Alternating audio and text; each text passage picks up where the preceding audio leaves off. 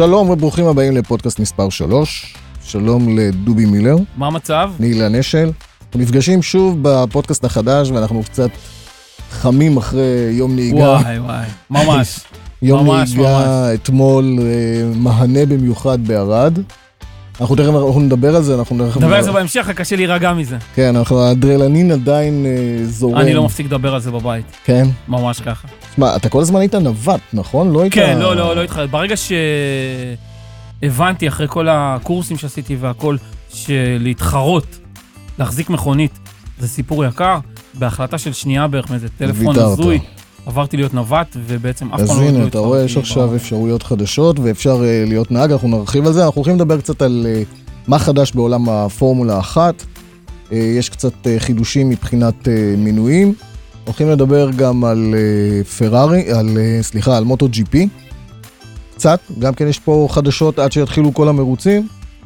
היה איזה ריאיון אה, נחמד של לין ג'רוויס. ג'רוויס. ב-CNN, שהוא נתן שם טופינים נחמדים לגבי רוסי ולורנצו.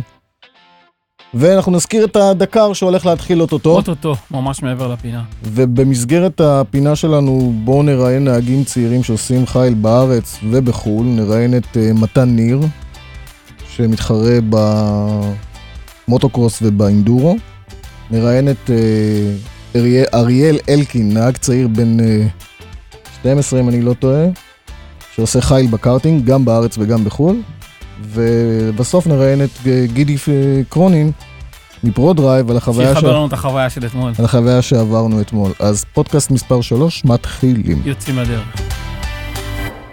דובי, בוא נדבר קצת על uh, מה הולך להיות בפורמולה 1. Uh, איזה חדשות יש לנו לקראת הפורמולה 1? תראה, אנחנו בעצם בפגרה של החגים אצלם, בכל, ה... בכל מה שקשור לעולם הזה, אז מתחילות כל החדשות והשמועות שמסביב והכל, אבל הדבר אולי הכי משמעותי מגיע מאיטליה, מפרארי. שני, שני דברים עיקריים. הדבר הראשון, אה, פרארי הודיעו שהם אה, יהיו הראשונים, או לפחות הם הם הראשונים שפרסמו תאריך להצגה של המכונית החדשה שלהם. אוקיי. תחילת פברואר, אה, פרארי יציגו את ה... תחילת פברואר. כן, את, ה- את המתחרה הראשונה, אה, את המתחרה בעונה הקרובה בפורמולה אחת.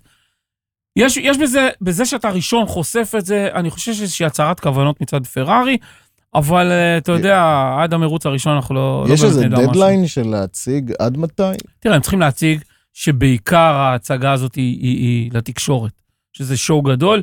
אחרי זה מגיעים ימי המבחנים, שככה פחות או יותר אפשר לקבל מושג כללי, עם הרבה, אתה יודע, הסתרות של הקבוצות שלא רוצות יותר מדי לחשוף את מה שהן לא רוצות, אבל אה, המכונות אה, עוברות אנחנו מבחני כמובן לא ריסוק יודעים מה. יוצג ואיזה הפתעות יש. בדיוק, זה גם אה, יכול להשתנות. שינויים אה, מ-2019?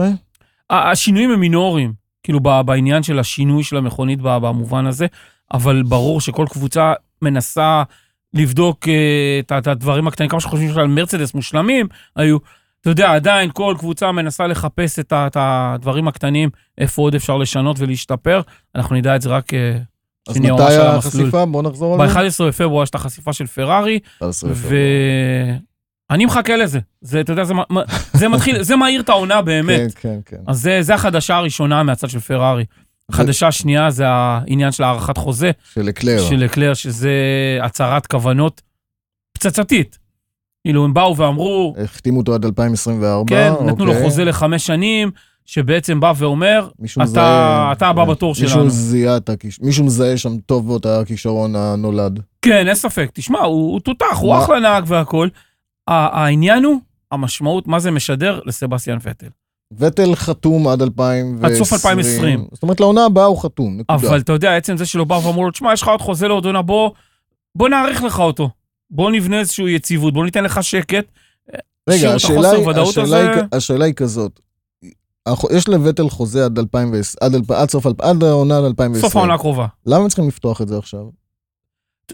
בעיקר, בעיקר בקטע של הביטחון של הנהג.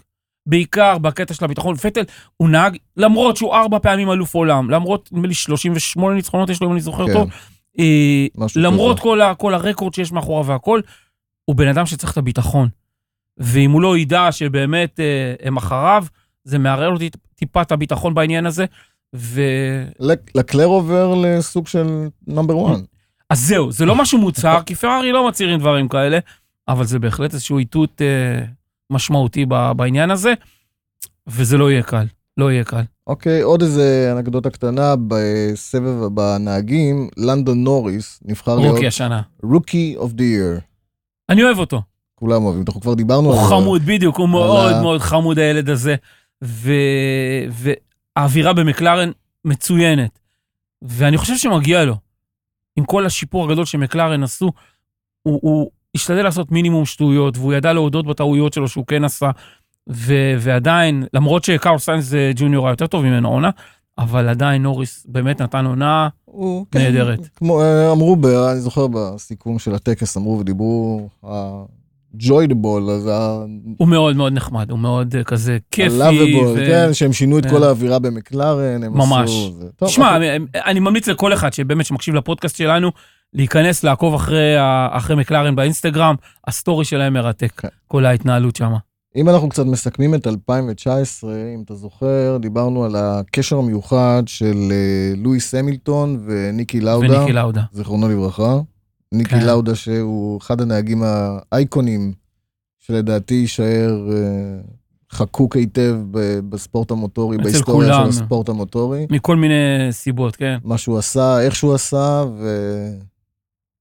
אבל הקשר המיוחד שיש ללואיס, ולואיס כל הזמן מזכיר את זה, כן, זה משהו מיוחד. שהשפיע עליו שהוא לקח אותו והחתים אותו כנגד כל הוא ה... אמר ש... אה, איך הוא, איך לואיס הציג את זה באיזשהו, בכמה רעיונות, אבל, אה, וגם בפוסטים, אבל אה, הוא אמר שלפני לפני הקטע הראשוני ביניהם, שברגע שהוא במרצדס, אז הוא שמע את לאודה מתבטא עליו, על לואיס, בעניין של משהו שהתנהגות שלו, ו... והוא פסל אותו.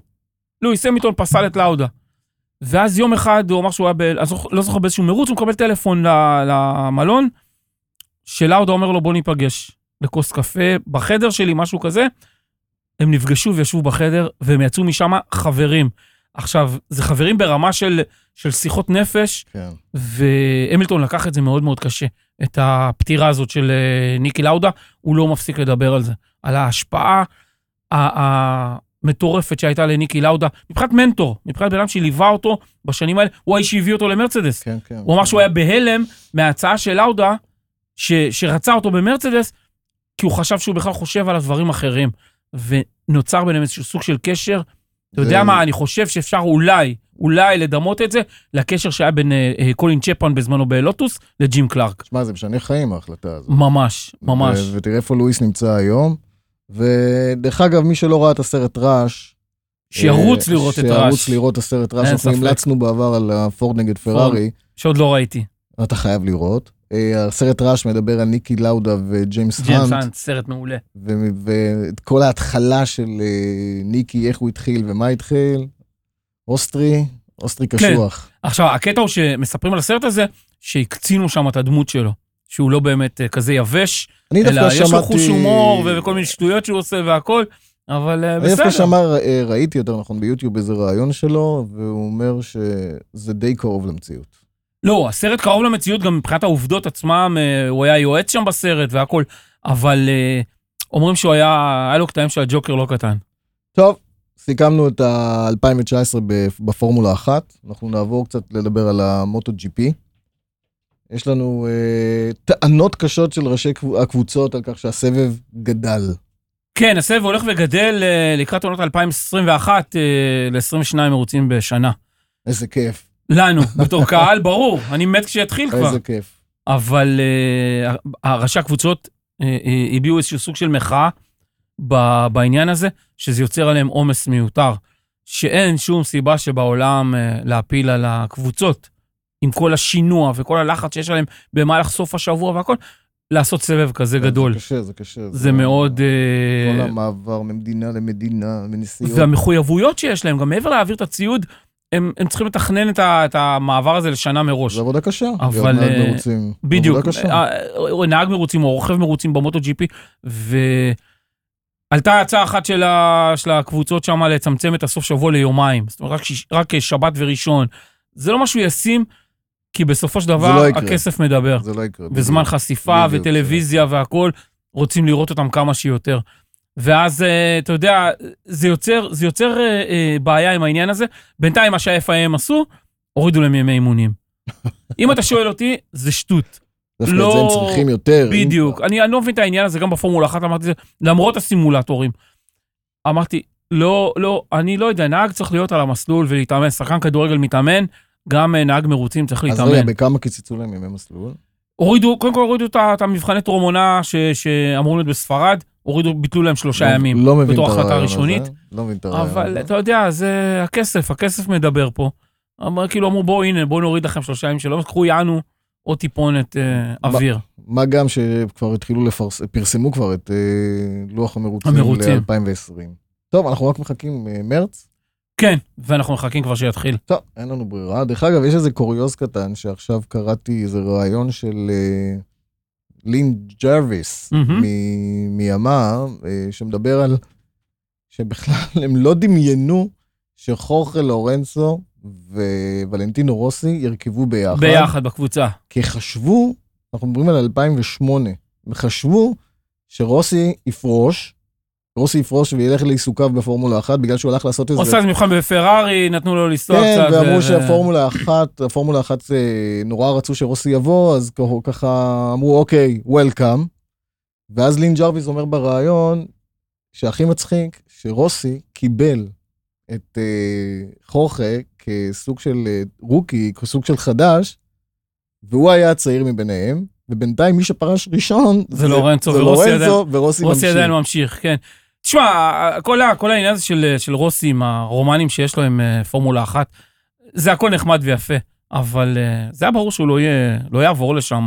זה היה טוב לפרארי בתור איזה גימיק, למשוך אש לדברים אחרים, זה, זה באותה מידה כמו שהוא עשה עכשיו, אה, דיברנו על זה בפודקאסט הקודם, כן. את, את הסיבוב עם המילטון, עם המרצדס. אז זה- זה דברים אנקדוט- יפים, אבל הוא זה רוכב. זה אנקדוטה נחמדה, והציטוט המדויק זה היה, אה, מי אי פעם יוכל היה לחזות שחורכה לורנצו יפרוש לפני ולנ- שוולנטינו יפרוש. כן, טוב, ולנטינו... לא חשבנו שוולנטינו יחזיק כל כך הרבה זמן. אני חושב שדיברנו על זה גם, אני חושב ש...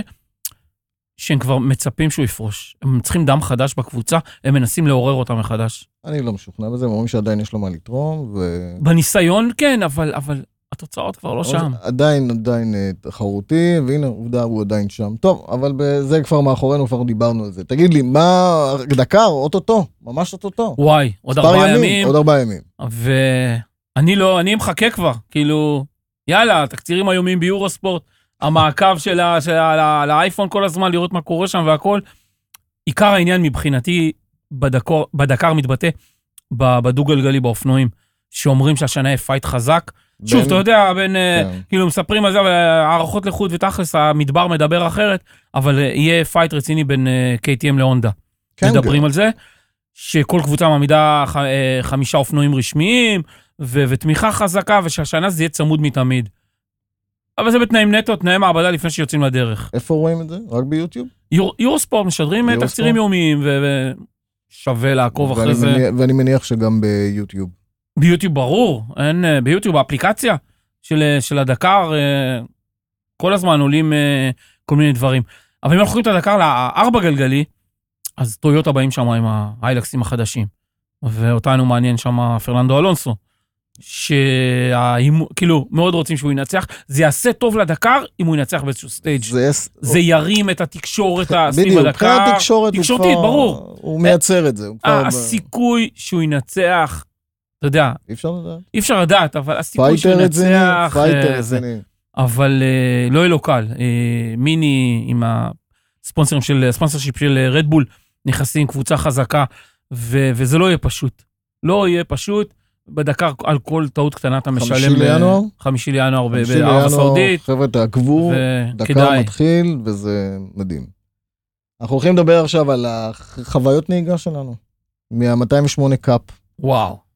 שמע, אני לא יודע, דובי, היה- אתה יודע, אנחנו, אני נהגתי קארטינג אה, שתי פעימות, שזה ברמה המקצועית, אה, קצת מעבר לארבע פעימות, כי זה היה מנויים של ימה עוד. כן, כן, גם לי היה כזה. וקארטינג זה חוויה ו- וכיף והנהיגה, ויצא לנו לנהוג קצת בחו"ל על מסלולים, על רכבים קצת יותר חזקים. אבל שמע, עלינו אתמול על ה-208 קאפ, זה עולם אחר. כן. זו הייתה חוויה אחרת, כי אני אגיד לך מה, אני עוקב אחרי הליגה הזאת, אני שופט שם אה, במרוצים האלה. כבר עונה שנייה ברציפות. אבל לא וה- נהגת. לא נהגתי אף פעם, השתדלתי להתרחק מזה, וגם לראות את זה, ולראות זה לא, את זה, זה לא אותו דבר. זה לא להרגיש כמו שהרגשנו אתמול. עכשיו תשמע, אנחנו כולם יודעים שבן אדם שיושב בצד, בן אדם ביציאה במשחק כדורגל, יודע הכי טוב. למה לא עושים ככה ולמה לא עושים אחרת והכל. ואז אתה נכנס לפז'ו הזו, ונקשר בחגורות והקסדה, ו- והיה חם והכל, והתחושות של, ה- של הדבר הזה, ואתה מתחיל לנסוע, והחדות, אתה יודע, כל דבר קטן, אתה משלם עליו אה, בעצם בהתנהגות של האוטו. אם אתה בולם מוקדם מדי, בולם חזק מדי, מאוחר מדי, כל הדברים האלה, האוטו מתנהג, האוטו מגיב, ואתה ופתאום ה- יש לך מסלול בערד, מרגיש את המסלול, את האספלט הזה, שינויי צריך... גובה. בדיוק. זה נראה כאילו מהצד, אתה אומר, מה זה המסלול הזה? הוא קטנצ'יק אולי, הוא לא, מס... הוא לא מתאים למכוניות, שמעתי גם אנשים אומרים, הוא לא מתאים למרוצים או למכוניות מרוץ, שטויות. ועלינו על המסלול הזה, ואתה מבין כמה קשה נהג מרוצים צריך לעבוד בשביל לשמור על הפז'ו הנהדרת הזאת, החמודה, שלא תברח לו. שהיא לא תברח לו מהקו שם. אנחנו מדברים על, על 140 אה, כוחות סוס, שזה כל אה, מכונית כביש רגילה היום מגיעה פחות או יותר בהספקים האלה, אבל אין לאוטו הזה משקל, הוא פחות מטון המשקל, והוא בנוי למרוצים, והוא כמו חד. איילה, היא מנטרת שם ו- ו- וקופצת. זה היה כל כך כיף, זאת אומרת, חוויה... אתה יודע, זה לא רציתי לתת לך, לא ירדתי מהאוטו, כי עשיתי עוד, כן, כן. עוד ועוד הקפות ועוד הקפות ועוד הקפות. תשמע, זה ו- לא קל, זה לא זה לא קל קל. להיות, להיות מדויק. להיות מאוד, מדויק, ממש. פתאום, פתאום אתה מבין כמה חשיבות וכמה כמה יש יכולת שיש לנהגים, הרי כל אחד יכול לעלות על האוטו ולנסוע. ולנסוע, בדיוק, השאלה מה אתה מייצר מזה. ופתאום פתאום שמנו לב שצריך להיות נורא מדויקים עם איפה אתה בולם וכמה אתה בולם. ממש. ו- אבל מה שאני רוצה לנסות להעביר, אני בטוח לא אצליח, את החוויה של נהיגה. אני אומר שוב פעם, אני בא מחוויית קארטינג שהיא נהיגה... זה לא, זה לא אותו דבר. שהיא נהיגה, שהיא נהיגה, נותנת לך הרגשה של ספורט נכון. מוטורי והכל, אבל זה עולם אחר. עולם אחר לגמרי. זה- העברות משקל הן שונות. העברות משקל זה דבר מש... אחר לגמרי ברמה, אתה יודע, של... ושמע, יש פה תורה שלמה. יש בדיוק. פה תורה שלמה. הקטע הזה של הנהיגה הזאת, שנראה מהצד, כאילו, אוקיי, אתה נוסע על אספלט, אתה צריך לנסוע מהר, חזק, והשעון ידבר וזה יהיה אחלה. וזה ממש לא. אתה צריך לנסוע כל כך מדויק, לא להיות אגרסיבי מדי, כי גם, גם ל... אתה יודע, לתת בגז, אתה נותן יותר מדי, אתה מאבד זמן, אתה לא נוהג, אתה לא, יוצא לא, מהקווים, נתנו. אתה, אתה מנסה שם, אז אתה אומר, רגע, אוקיי, צריך להוריד טיפונת את הרגל מהגז, בוא נראה, נח- ננסה לכוון את ה... אתה יודע, בשלב מסוים ניסיתי, באמת, פחות גז, יותר בעדינות, ופתאום זה נהיה הרבה יותר עדין, הרבה יותר יפה, כן. ואתה מרגיש שההקפות זורמות, לי- שזה לא, לא סתם אה, לי יצא לעשות אה, סיבוב עם אה, סיבוב. איזה עשר הקפות עם גידי. עם גידי, כן. שמע, אין, אני, אני שוב, לא אצליח, לא אצליח לתאר את זה, זה להגיע לפנייה ואתה אומר, אין מצב שהוא לוקח את הפנייה הזאת, פנייה 90 מעלות, והוא עושה את זה כמו, כמובן כמו אומן, אומן אה, רציני. אני חושב שמה ש, שבאמת צריכים לקחת מהשיחה הזאת שלנו כרגע, זה העניין הזה, שבעצם כל אחד ש... והיו שם שניים שעברו על הכביש, שכל אחד אה, ב... בישראל היום יכול אה, לגשת שם ב... בערד, וסכום סכום כסף שהוא סביר והגיוני, זה בדיוק הנקודה שאנחנו רוצים לדבר עליה. שיכול לעשות את זה. והקטע הוא שאנחנו באים מהחוויה כי, כי עשינו את החוויה הזאת, ו, וכמה שאמרנו שקשה נורא להסביר, מי שבאמת רוצה לנהוג אה, ספורט מוטורי אמיתי, להתחיל, לעבור את המדרגה ממסלולי קארטינג, לחוות את זה, בדיוק. ולהתחיל להיכנס לעולם האמיתי של רכב מרוץ, שהוא ערום לגמרי רק עם כלוב, אתה יושב בתוך uh, כיסא bucket כזה רציני, תחושה מדהימה. מזיע כמו כן, שאתמול. הזעת, כי ממש. חלונות אין, כי חלונות אין, נכון, הכל סגור שם, ומזגן, מזגן. בדיוק. ו- ולחוות באמת נהיגה, זה מומלץ, אנחנו ממליצים על זה, ואנחנו רוצים גם לדבר עם uh, גידי קרונין מפרו דרייב, פרו דרייב. שייתן לנו עוד קצת תובנות, הם החבר'ה שמפעילים, הם היזמים של כל החוויה של ה-208 קאפ. היי גידי, מה העניינים? בסדר גמור, אנחנו בדיוק דיברנו עכשיו על ה-208 קאפ, על החוויה שחווינו אתמול, אני ודובי, ורצינו לשמוע ממך עוד תובנות, מי יכול לעשות את זה, כמה זה עולה, האם זה פתוח לכל אחד. רוצים לשמוע ממך קצת תובנות לגבי ה- הדבר הנהדר הזה שחווינו אתמול. הפעילות של ה-208 קאפ. קודם כל זה, זה בהחלט נהדר, זה ממש אנשים שמגיעים אה, ונוהגים כמו שנהגתם אתמול, כבר בהקפה הראשונה, אולי בפנייה הראשונה, כבר קולטים שיש פה משהו מדהים. יש פה רכב מרוצים, זה לא רכב ספורט. הרבה אנשים אומרים רכב ספורט, הרבה כוח. אני חושב שמרגישים את זה עוד קודם, ברגע שנקשרים לכיסא. נכון, נכון. כל החוויה הזו של להיכנס לרכב שכל הייעוד שלו זה רכב מרוצים. שזה שיש את זה בישראל, במדינת ישראל זה מדהים. אני לפני עשור הייתי צריך לטוס לחו"ל ולשלם uh, מעל 100 אלף שקלים בשביל להתחרות בליגה כזאת. בטורקיה אתה מדבר? והיום ה, ה, ה, לטורקיה זה היה, נכון? ב-2007 זכיתי באליפות טורקיה, והיית שם לרגע האמת. מה שמדהים זה שהחלום שלי ושל שותף שלי ראם סמואל בפרודרייב, זה בעצם להגיע למצב שאנחנו הולכים להביא את החלום ל, ל, לאנשים שהם כמונו לפני 10 ו-20 ו-30 שנה. והבשורה הענקית של 2020 זה שאליפות ישראל ב-208 רייסינג קאפ היא לא רק שמתקיימת כבר שנה שלישית, ויש כבר שני אלופי ישראל, okay. אוקיי. אה, אלא שבשנה שלישית יש פרסים כספיים. מה זה אומר? מה זה אומר? אה, שמי שייקח את האליפות הולך אה, לה- להביא הביתה סכום כסף של 30 אלף שקל למקום הראשון, אבל יותר מזה, כל מרוץ, ויש עשרה מרוצים כאלו במהלך עונה של 2020, בכל מרוץ יש פרס של 5,000 שקל למנצח, של 4,000 שקל למקום שני, יפה, ו-3,000 שקל למקום יפה. שלישי. נהדר. זה נהיה גרנד פרי, מה שנקרא. זה, זה ממש, זה אחד הדברים, כי אנשים מאוד חוששים, גם אם מאמינים מאוד ביכולות שלהם, ויש הרבה כאלו בתחום שלנו, שמאוד אומרים, אני נהג מרוצים מעולה, רק תן לי להוכיח. אז גם אם לא ניצחת כל מרוץ, אבל סיימת שני, שלישי, רביעי, אתה מקבל כסף. יפה, יפה, אבל גידי, אנחנו זה רוצים...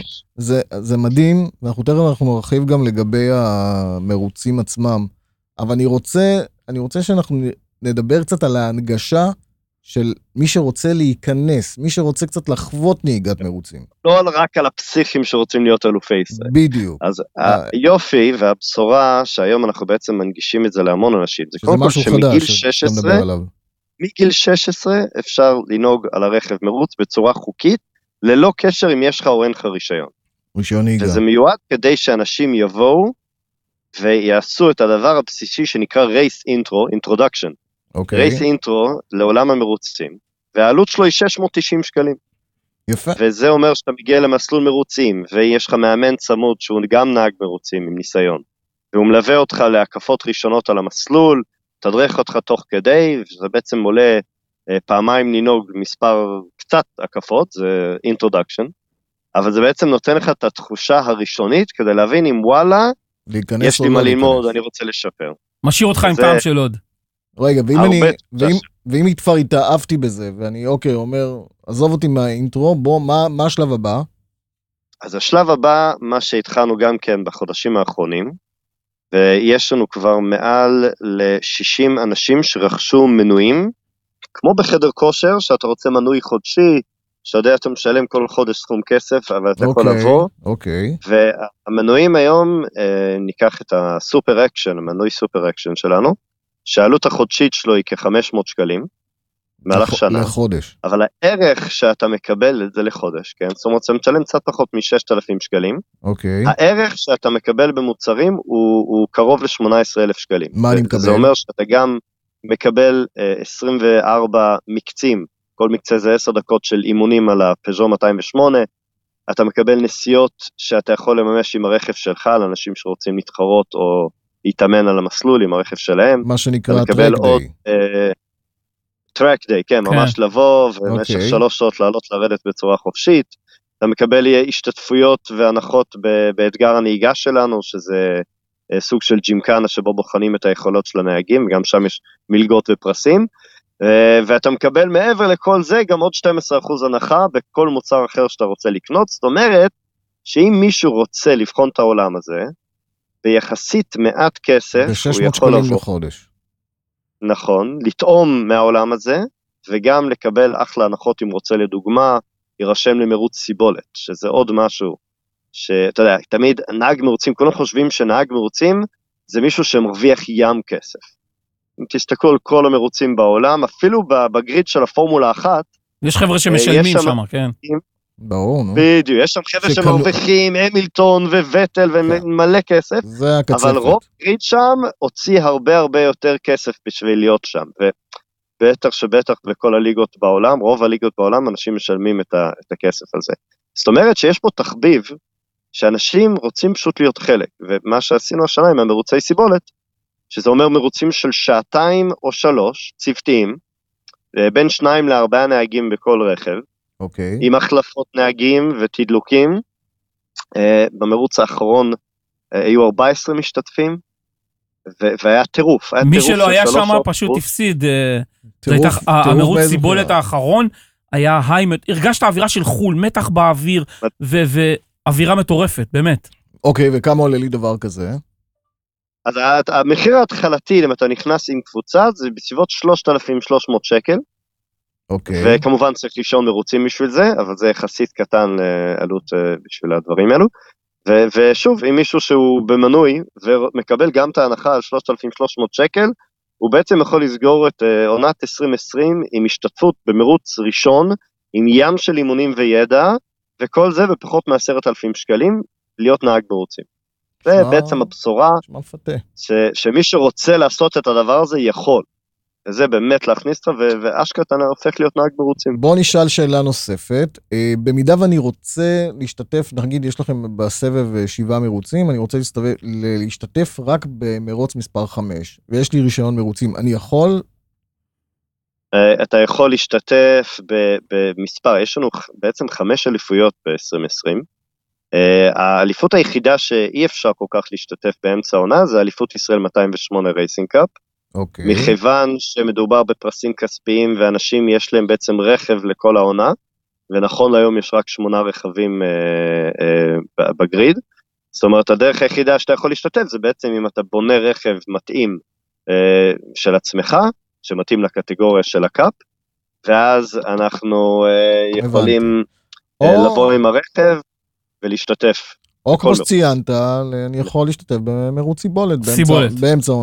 העונה. לגמרי. האליפות שאפשר, המרוץ סיבולת פתוח לכל סוגי הרכבים, יש קטגוריות שונות.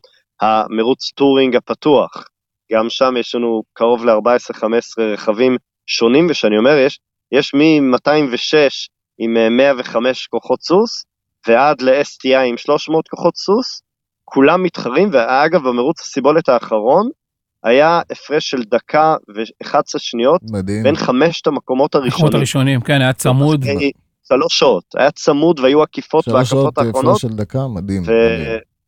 וממש מדהים, ממש מלחמות עד הסוף, וזה נגיש לגמרי. יפה. תגיד לי, גידי, כמובן, כמובן, יש גם לציין את זה שהאליפות ישראל נוספת שאנחנו מריצים, אליפות אה, זמן מטרה. אה, עם הרכב שבו הפרטי אה, שלי. זה ליגה עממית, שאנשים מגיעים מהרכבים שלהם. אוקיי. זה אומר שאפשר עם כל רכב. לדעתי הקטגוריה הכי מלהיבה, זה קטגוריה שנקראת משמר דוד, זה עד 120 כוחות סוס. אמ, אנשים מגיעים לשם עם כן. סקודה פביה, מאזדה 2, פז'ו 106 ראלי, 306, מה שנקרא, מגוון מכוניות. הכי עממי שיש, לא, ממש. זה גם, אתה יודע, כישורי- כישורי נהג, זה לא ברור. כישורי אוטו, פה מדובר על כישורי הנהג נהג. מדבר. הנהג, אני עם סקודה פביה, שים את גידי בסקודה פביה, ואני ב-STI, הוא יעשה זמן יותר מהר ממני. אה, טוב, אבל תבוא לאימונים, ואז אה, אתה יודע, אני אדאג שזה לא יקרה. תגיד לי רגע, אה, אתמול אני גם חוויתי איזה חוויה בנהיגת טקסי איתך, והייתה חוויה, חוויה מעולה, זה גם חלק מהעניין? תמיד, תמיד. בכל אחד מהאימונים שעושים אצלנו, בין אם זה חצי יום אה, אימון אישי, או בין אם זה ה-race introduction, החלק האחרון זה שמושיבים אותך לצד נהג מרוצים, והוא עושה לך הקפות מהירות על המסלול, מראה לך מה בעצם אפשר לעשות עם הרכב הזה.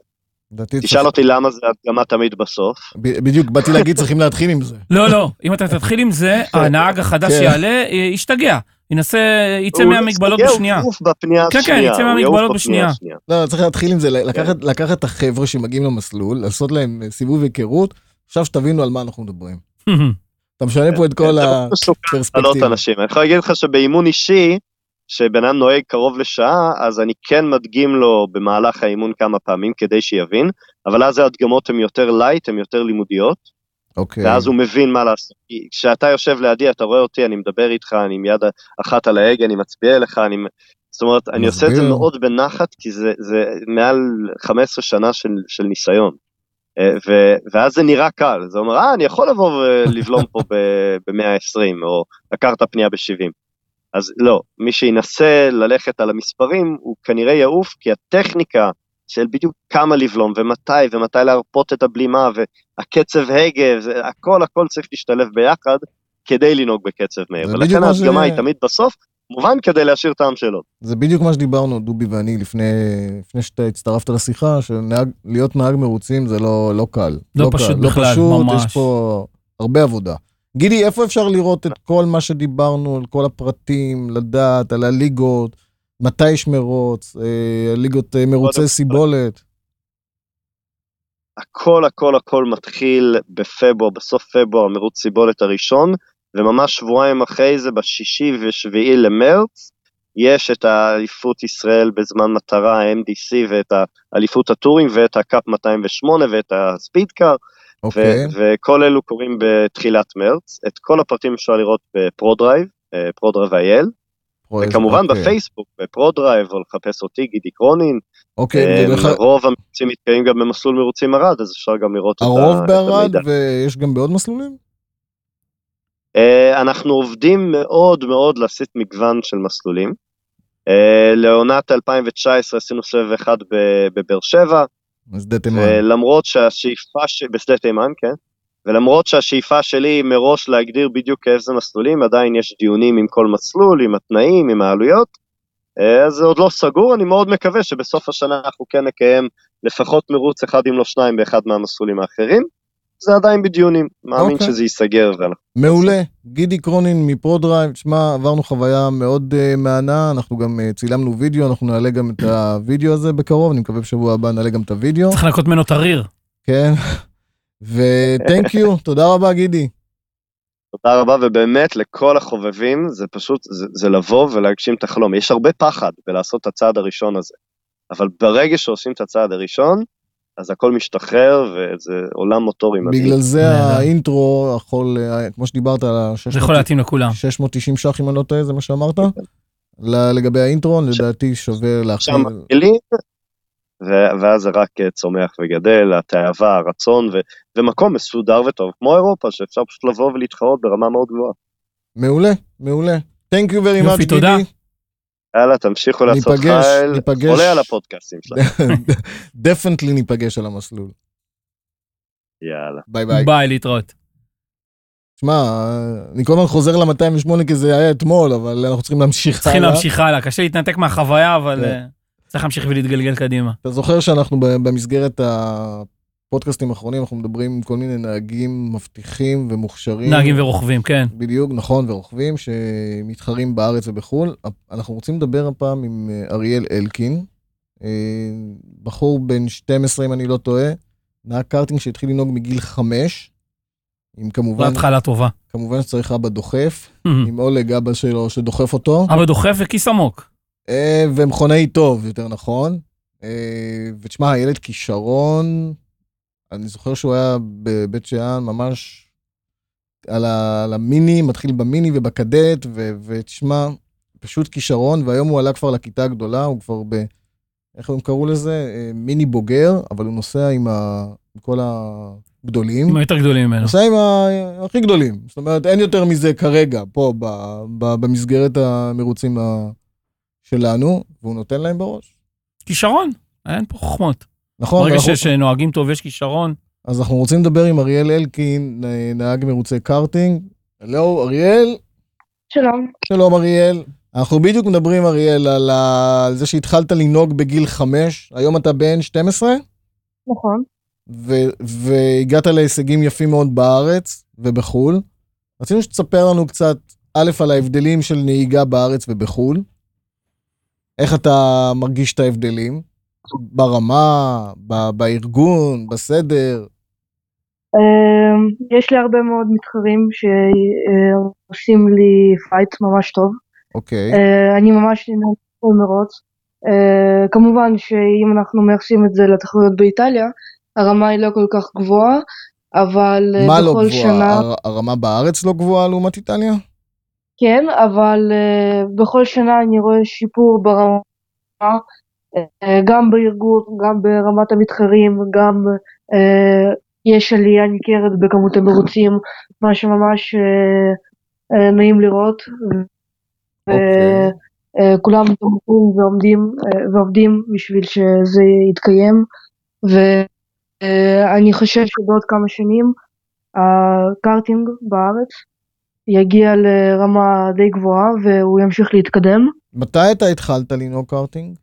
Uh, בגיל חמש התחלתי. לנהוג בקארטינג ארבע פעימות. איך התחלת בעצם? ו- למה התחלת? Uh, מגיל צעיר התעניינתי בספורט המוטורי ובמכוניות uh, אוקיי. בכללי. אז uh, יום אחד אבא שלי לקח אותי למסלול קארטינג בחיפה.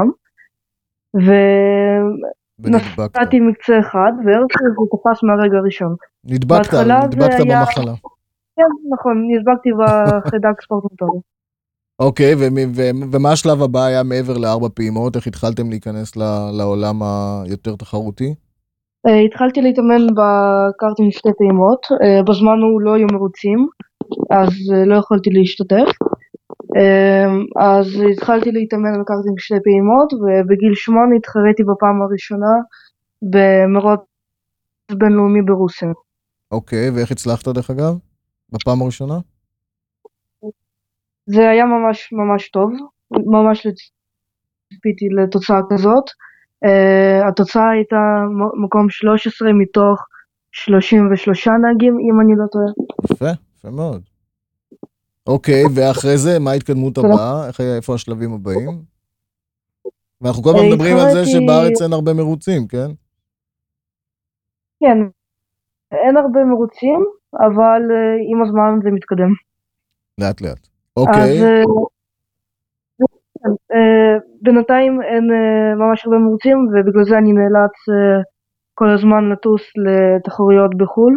בעיקר אה, באיטליה דרך אגב. אה, כן, בעיקר באיטליה, אני מתחרה בעיקר באליפות איטליה, אה, אליפויות אירופה, אליפויות... באיזה קטגוריה אתה. מתחרה, אריאל? אה, אה, קטגוריית היוניורים. הג'וניורים. כן. אוקיי, ואיך הולך לך באיטליה לאחרונה? אה, לאחרונה הולך לי ממש טוב, אה, לרוב אני נמצא בטופ 10, אה. גם השנה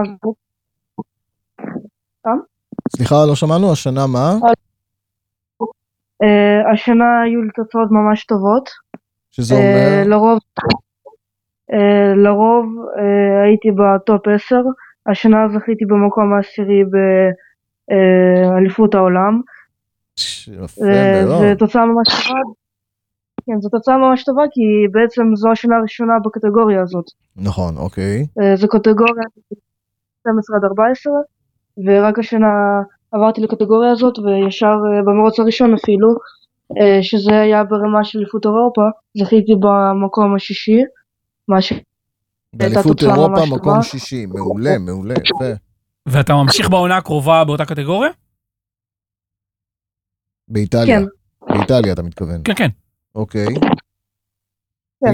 אז רגע, אה, בשנה הבאה, אה, בשנה הבאה אני מתכוון לצאת גם אה, לעוד מרוצים בכל רחבי העולם, זה כולל גם ברזיל, גם ספרד, גם שוודיה, אבל אה, לצערי הספורט המוטורי הוא ממש יקר והוא מצריך אה, מימון מאוד גדול, המדינה עוזרת? וכיום יש המדינה עוזרת לך?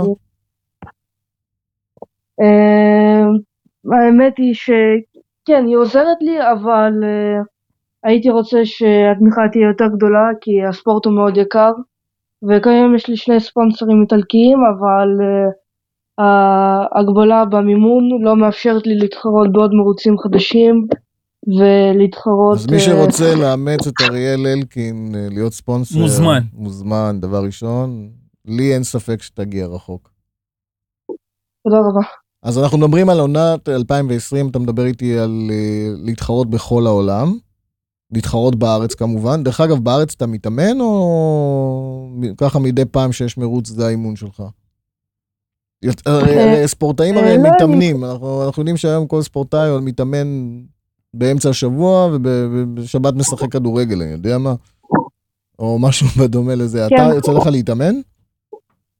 אה, יוצא לי להתאמן, אה, לרוב אני מתאמן בסופי שבוע, אה, אה, בכל הזדמנות שיש לי שבה אני יכול להתאמן, אני מתאמן, כי אה, קארטינג, הרבה אנשים לא יודעים, אבל זה מצריך אה, הרבה מאוד אה, כוח בידיים וצריך להתאמן. ממש הרבה. אוקיי. יצא לך דרך אגב לנהוג גם מעבר לקארטינג? אה, עוד לא, אבל אני ממש שואף לזה. אני שואף שבעתיד הקרוב אני אגיע גם לקטגוריית הפורמולה. מה באמת החלומות, אריאל? למה, מה, כמובן, מן הסתם פורמולה אחת. אחת, אבל מה, כן. איפה אתה רואה את עצמך עוד כמה שנים בתחום המוטורי? אה, ספורט מוטורי זה דבר שאתה אף פעם לא יכול לדעת מה יהיה בו, אבל אה, אם יהיה לי את המימון הנכון אה, ואני בטוח שאני אוכל לעמוד בכל האתגרים, אני בטוח שאני אגיע לתוצאות ממש גדולות ואני שואף מאוד רחוק ואני בטוח שבאיזשהו, באחד מן הימים אני אגיע לפורמולה אחת. אמן, אמן, אמן. איזה כיף לשמוע את זה. כן, כן, הלוואי. לדעתי אתה בדרך הנכונה, לדעתי יש לך גם את הכישרון הזה, ואני ראיתי אותך נוהג, וכל הכבוד, ורק בהצלחה אנחנו מאחלים. דרך אגב, איך. איך, איך אפשר לעקוב אחרי המרוצים בחו"ל, באיטליה? או, או בעולם שאתה מתחרה בו? אה, אז אה, השופטים עצמם, האלו שמארגנים את המרוץ, יש להם לייבים ביוטיוב. אה? לרוב אני שם את הלייבים האלו בפייסבוק שלי או אוקיי, באינסטגרם. אוקיי. איך זה נקרא, דרך אגב, ביוטיוב, אתה יודע? או שמקסימום תשלח לנו קישור, אנחנו נשים את זה בהפרעה מוטורית בפייסבוק, ונפרסם כן, את אוקיי. זה. לרוב בפייסבוק ובאינסטגרם אני אני מפרסם אה, את הכישורים שבהם אפשר לעקוב אחריי מעולה. אה, מעולה. לפני כל מרוץ. יופי אריאל, המון המון תודה על השיחה, המון המון בהצלחה, ואנחנו. בטוחים שאנחנו נשמע ממך עוד. אנחנו מחכים לשמוע. אז אתם תשמעו. ביי אריאל, להתראות. ביי, להתראות, תודה רבה. בבקשה. איזה כיף לשמוע ככה אה, פשוט תענוג, כן. בחור כן. צעיר כזה, ילד. אני לא יודע, יצא לך לראות אותו נוהג? לא, לא יצא לי לראות אותו, אבל תחשוב, מגיל חמש, והיום הוא בן 12, זה שבע שנים, זה דובי- חתיכת ניסיון. נכון, דובי, אבל אתה יודע, אנחנו כולנו כל הזמן מדברים על... אה, על אלופי העל- העולם שמתחילים בגיל הזה. בגיל חמש. בדיוק, כשמתחילים בגיל הזה. אתה יודע, ילד הלך לקארטינג, נדבק במחלה הזאת, בהפרעה המוטורית הזאת שאנחנו מדברים עליה כל הזמן, התאהב בזה, המשיך, המשיך, המשיך. יש, יש גם פה כישרון מאוד גדול. כן, זה חייב להיות ביחד. זאת אומרת, עבודה קשה ביחד עם הכישרון, ואם יש את התמיכה, אתה יודע, מהבית במקרה הזה, השמיים הגבול. יש תמיכה, אבל אה, כמו שאתה שמעת, הם, כסף. הם זקוקים גם לתמיכה, לספונסרים שיעזרו להם, כאילו להסתובב בכל אבל, העולם. אבל זה הסיפור זה. של כולם. של, בדיוק, אתה יודע, נכון. ב, ב, ב, בכל מדינה שאתה מסתובב היום, אתה, אתה רואה מיליון כן, כישרונות. דובי, אבל שיש ש- כישרון, שיש כישרון ואתה, וכולם רואים את הכישרון, אתה מצפה שיעזרו יותר. אני לא יודע, אני לא יודע איך משרד הספורט וכל החבר'ה הטובים שם עוזרים ל, לספורטאים, וכמה כמה משלמים, אבל אה, השאלה אם זו הספורט, הדרך. הספורט המוטורי צריך עוד עזרה, עוד עזרה. אבל שוב, הש... השאלה היא אם זו הדרך. כאילו, זה, זה, זה עניין לשיחה ארוכה. אם באמת הדברים האלה צריכים אה, להיות. בסדר, אנחנו נדבר על אנחנו זה. נגיע לזה, כן, נגיע אנחנו. נגיע לזה. אנחנו נעבור ל- לרוכב נוסף, אה, שמתחרה, אנחנו התחלנו לדבר גם על אה, אופנועים. אופנועים. בדיוק, שמתחרה גם באינדורו וגם במוטוקרוס. אה, אני מדבר על אה, מתן ניר, שהיה נהג פעיל ו- ורוכב... היה רוכב פעיל רוכב שנים, אה, ובדיוק. אנדורו ו- ומוטוקרוס לא, וכל בעיקר, התחומים, לא? אני זוכר אותו בעיקר מהטרקטורונים. אוקיי. היה, מתן ניר היה הראשון שקיבל ספונסר שיפ של רדבול בתור רוכב פעיל בימים של מי ידע פה מה זה מרוצים. אני, אני לא בטוח שהוא זוכר, אבל כשאני הייתי מורה בבית ספר, הייתי אחראי על החינוך התעבורתי. והבאתי אותו אלינו לבית ספר, אה, להרצאה לתלמידים, איך לעשות את זה נכון. זאת אומרת שיש דרך, שיש דרך אה, אה, לספורט מוטורי ולרכיבה ועם כל העניין הזה, ולא הקטע של ההשתוללות והכל, הם היו מרותקים. הוא עמד מולם ודיבר, והם היו מרותקים. כישרון גדול מאוד. כישרון גדול מאוד, ואנחנו תכף נעלה את מתן ניר, כמו שאמרתי, רוכב אה, אינדורו ומוטוקרוס, ובוא נשמע ממנו. היי מתן, נמצא איתי דובי מילר. אהלן, מה נשמע? בסדר, שמענו שלאחרונה חזרת לפעילות אה, מוטורית. לעת זקנה. כן, לעת זקנה, אה, הנער כבר לא נער. לא, לא, קטגוריית סניורים. אה, סניורים, אוקיי. רצינו שתספר לנו קצת על אה, עונת 2019, גם באינדורו, ואני מבין שהתחרית גם באינדורו. וגם במוטוקרוס, נכון. ושתעשה לנו איזה סיכום ברמת הסניורים, איך זה לחזור ולרכוב. אה, זה לא פשוט כי העצמות עוד זוכרות את הכאבים של פעם, זה הבעיה הכי גדולה. אוקיי, אבל אה, האינדורו השנה בסניורים היה תחרות מאוד מאוד מאוד קשה. כמה רוכבים אתם. בקטגוריה? של הסניורים או בכלל? של הסניורים. בממוצע, בסניורים היה השנה בממוצע בין 10 ל-12, וואו. קשוח. כן, שזה היה הקטגוריה רוב הזמן הכי גדולה. אוקיי. אה, ובסניורים, אה, בניגוד למה שאתם חושבים, לרוב החבר'ה זה כבר הגיל שיש להם זמן להתאמן יותר מאשר הבני 30. אוקיי. אז רגע, אז, 12 אה, רוכבים, תן לי קצת שמות מהרוכבים של הסניורים. אה, היה צחי בני, היה רונן מדיאל, אה, אוריה כרמלי, או, החבר'ה הטובים. איציק קלנר, אה, הרבה טובים, שאולי חמאווי, אין שם מישהו לא טוב. אז החבר'ה שהתחרו איתך שהיית שאלו איתך. כיתה, קפצו כיתה. בדיוק, חבר'ה שהיו איתך בסניורים. אני ואוריה מתחרים, אני חושב, 20 שנה בערך. משהו כזה. תגיד לי, מה, אה. מה זו ההחלטה הזאת להתחרות גם במוטוקרוס וגם ב- באינדורו? מה, מה נפל עליך? במסגרת עבודתי אה, במטרו, אני אחראי על הקבוצת מרוצים של המוטוקרוס, אבל אה, אני נותן אה, את השירותי פיץ בעצם למטרו גם באינדורו. אוקיי. אז ואמרתי, אם אני כבר שמה, בכל מקרה, אז גם נתחרה. קפצת על העגלה. כן, כבר בחוץ שבת בבית, מחוץ לבית, כבר נעשה כושר. מה זה אומר מבחינתך ההבדל אה, אה, ברכיבה בין אנדורו למוטוקרוס? אין קשר בין הרכיבה, זה... עולמות שונים. קצת יודע יותר ממני, אבל אה, זה כמו לרוץ מרתון ולרוץ אה, 100 מטר ספרינט. או, אוקיי. זה בערך ההבדל אז כמה אתה משקיע. בעצם ב- בכושר גופני נטו, ולא ברכיבה? כהכנה ל... לצערי הרב השנה כמעט ולא יצא לי. לא אוקיי. משקיע. אבל אה, זה היה בעוכריי, נפלתי בגלל זה פעמיים, הייתי בית חולים מאושפז השנה. או-אה, מה, משהו רציני? אה, צלעות ומכה בכבד, כאילו, בשבירה של הצלעות, אאוץ'. הרבה טמטום. אאוץ'. הגוף לא יודע לעשות את מה שהוא עשה פעם, אבל הראש עובד האמת יותר טוב מפעם. בגלל שאני מאמן כל כך הרבה, אז ה- הטכניקה יותר טובה אצלי היום, אבל אה, פיזית אני לא מסוגל. אוקיי. אה, אה, תגיד לי, איך איך סיימת? סיימתי סניור עם אלוף מוטוקרוס ואינדורו. אוי, יפה מאוד. ברכות, ברכות. כל הכבוד. תודה, תודה. תגיד לי עכשיו, אחרי שמרוץ אחד במוטוקרוס סיימתי על הרצפה ולא סיימתי את החימום, ואת האינדורו סיימתי בבית חולים. אוי ואבוי. אוי ואבוי. תגיד לי, זה, זה כמו בימים הטובים ב-2000, אני זוכר ב-2010, 2011, שעוד יצא לי לבקר במרוצי אינדורו, זה עם 120 רוכבים וכאלה, או שזה קצת נרגע? אותו דבר.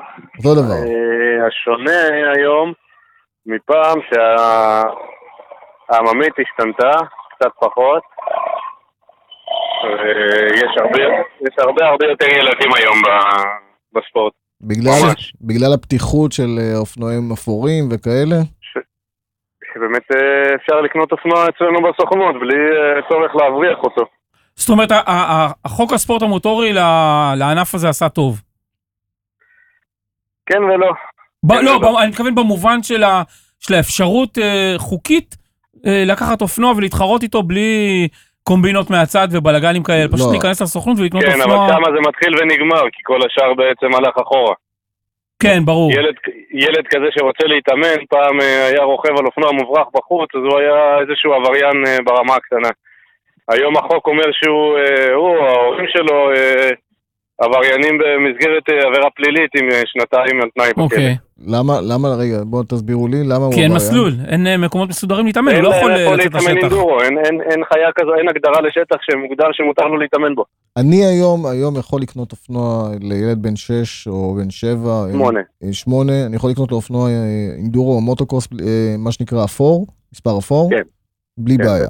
זאת אומרת, אין, אין הגבלה. דרך אגב, המיסוי אה, השתנה, אה, יש הגבלה, ההגבלה היא שאתה צריך רישיון מרוצים, שזה בסדר, שזה קביל ואפשר לעשות ולא בשמיים. אין את זה בשום מקום בעולם, אבל אנחנו אומרים את זה. בתחום ההיגיון. אנחנו עם סגולה, נו.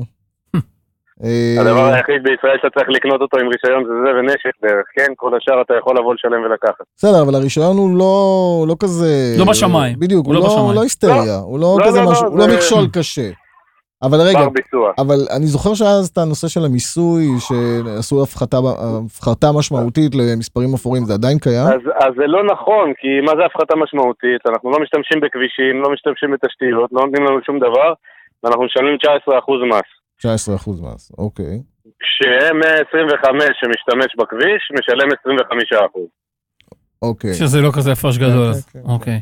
תגיד לי, אם ילד בן שמונה רוצה להתחיל אה, אינדורו או מוטוקרוס, על איזה סדרי גודל אנחנו מדברים? אה, זה מתחיל באופנועים מקצועיים, יש סינים, אבל האופנועים המקצועיים מתחילים סביב ה-15,000. משהו, זה ממש לא נורא.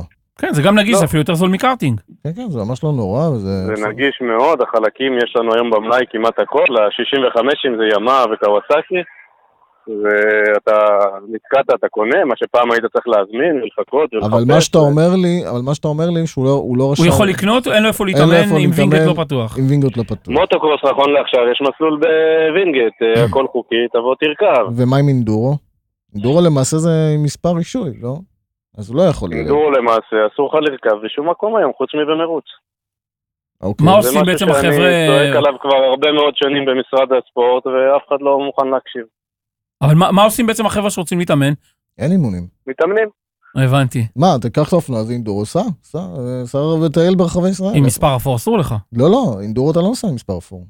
אנדורו מספר אפור. אה, אחרי הילדים עם האפורים, נכון להיום, אה, אוקיי, רוכבים עם אוקיי. ההורים בשטחים פתוחים. כן, מתאמנים, בסדר, אוקיי. זה- זה מה שנקרא פרוץ. לצערנו כן. כן. זה לא שזה פרוץ, פשוט אין איפה. טוב, תגיד לי, לסיכום, אה, מה מצפה לכם, אה, 2020 אתה הולך גם להשתתף? אה, שוקל בכובד ראש לחזור לנסות לעשות עונה במקצועית. עונה במקצועית, אוקיי. וזהו, לא ובלי... לעשות סניורים, לעלות לקטגוריה המקצועית חזרה. יאללה, קדימה. אנחנו, אני בדיוק סיפרתי לדובי, דובי פה גם איזה, העלה איזה זיכרון ממך. אני זוכר שאתה היית מהראשונים שקיבלו ספונסר שיפ ברדבול על הטרקטורונים, זה נכון? קיבלתי על האופנועים, כן, אבל זה נכון. אה, זה היה על האופנועים? המשיך איתי לטרקטורונים. אה, אוקיי, זכרתי משהו, אי שם. טוב, מתן, thank you כן. very much. תודה רבה. תודה, תודה, יום טוב, וניפגש במסלולים, ביי ביי. תודה. תראה, אתה רואה, דובי? אפשר גם ב-15,000 שקל לעשות... אה, אפשר, מי שרוצה, מי שרוצה היום אה, להיכנס לספורט מוטורי, דו-גלגלי, ארבע-גלגלי. יכול. הכל פתוח. זה לא לא העניין, שזה זה לא בשמיים. כל הזמן חוזרים על המנטרה הזאת. בדיוק. אפשר, אה, יש פריחה אדירה של הספורט המוטורי. אתה יודע, אנחנו בקצת ש- שדגמנו ו- ודיברנו והכל, אנחנו פתאום מגלים עוד ועוד ועוד כן, אבל דברים. אתה יודע, דיברנו קצת ולא קצת, כי אנחנו מדברים על 208 cup, שמגיל 16 גידי אומר, יכולים בואו, לנסוע, בדיוק. אנחנו מדברים עכשיו פה מגיל 8. שמונה באופנועים, enduro, הקארטינג, אה, הוא אמר לך להתחיל לנסוע בגיל מוטוקרוס, חמש. אה, זה אריאל אפשרי? אלקין בגיל 5. The sky the sky is the limit. כן, כן, אין- אין- אין היום שום אז סיבה חבר'ה, למי מי שבאמת שרוצה. מחפש ורוצה, בכל תחום שאוהב, אה, לכו תעשו רכיבה ראשונה, רכיבה שנייה, תנסו קצת, תקבלו את החיידק וקדימה. אני, אני רוצה להעלות נקודה קטנה שפנו אליי, כן. וככה בואו בוא נאזכר אותה ב, בכמה ש, שניות שיש לנו. שאלו אותי אנשים לגבי הפודקאסט שלנו, אוקיי. אז בואו נספר להם בעצם מה, מה התדירות או מה הסדר שאנחנו הולכים לעשות פחות או יותר לעתיד הקרוב. כי אנשים מחכים לזה, מסתבר שיש לנו הקשבה אנחנו מדברים על אה, פעם בשבועיים. פעם בשבועיים, בדיוק, בימי חמישי. שזה יעלה פעם בשבועיים, בימי חמישי. בדיוק, ומחר זה אמור לעלות, ו- אוקיי. היום זה אמור לעלות. כן, בדיוק, מי ששומע את זה, זה היום מבחינתו. כן. אנחנו מקליטים את זה יום קודם, ואנחנו עושים את זה בהנאה גדולה ובכיף גדול, כן, כן. ואנחנו קוראים לחבר'ה שרוצים כל ספורט מוטורי שהוא, שרוצה אה, בארץ. להיות בתוך או בתוך הפודקאסט שלנו, הוא יקבל חשיפה פה. שרוצה לקבל חשיפה, שרוצה לקבל אה, אה, עוד קהל, אנחנו בכיף, אנחנו פתוחים לכולם, אנחנו באים מתוך הספורט, אנחנו אבל אוהבים את זה. חייב להיות ספורט מוטורי. חייב להיות ספורט מוטורי, אין, אה, אין טוב, חוכמות בעניינים על. הכיפאק, אז אה, הפרעה מוטורית, פודקאסט מספר 3, היה היה כיף. כיף כרגיל, וניפגש בפודקאסט הבא. להתראות. ביי ביי.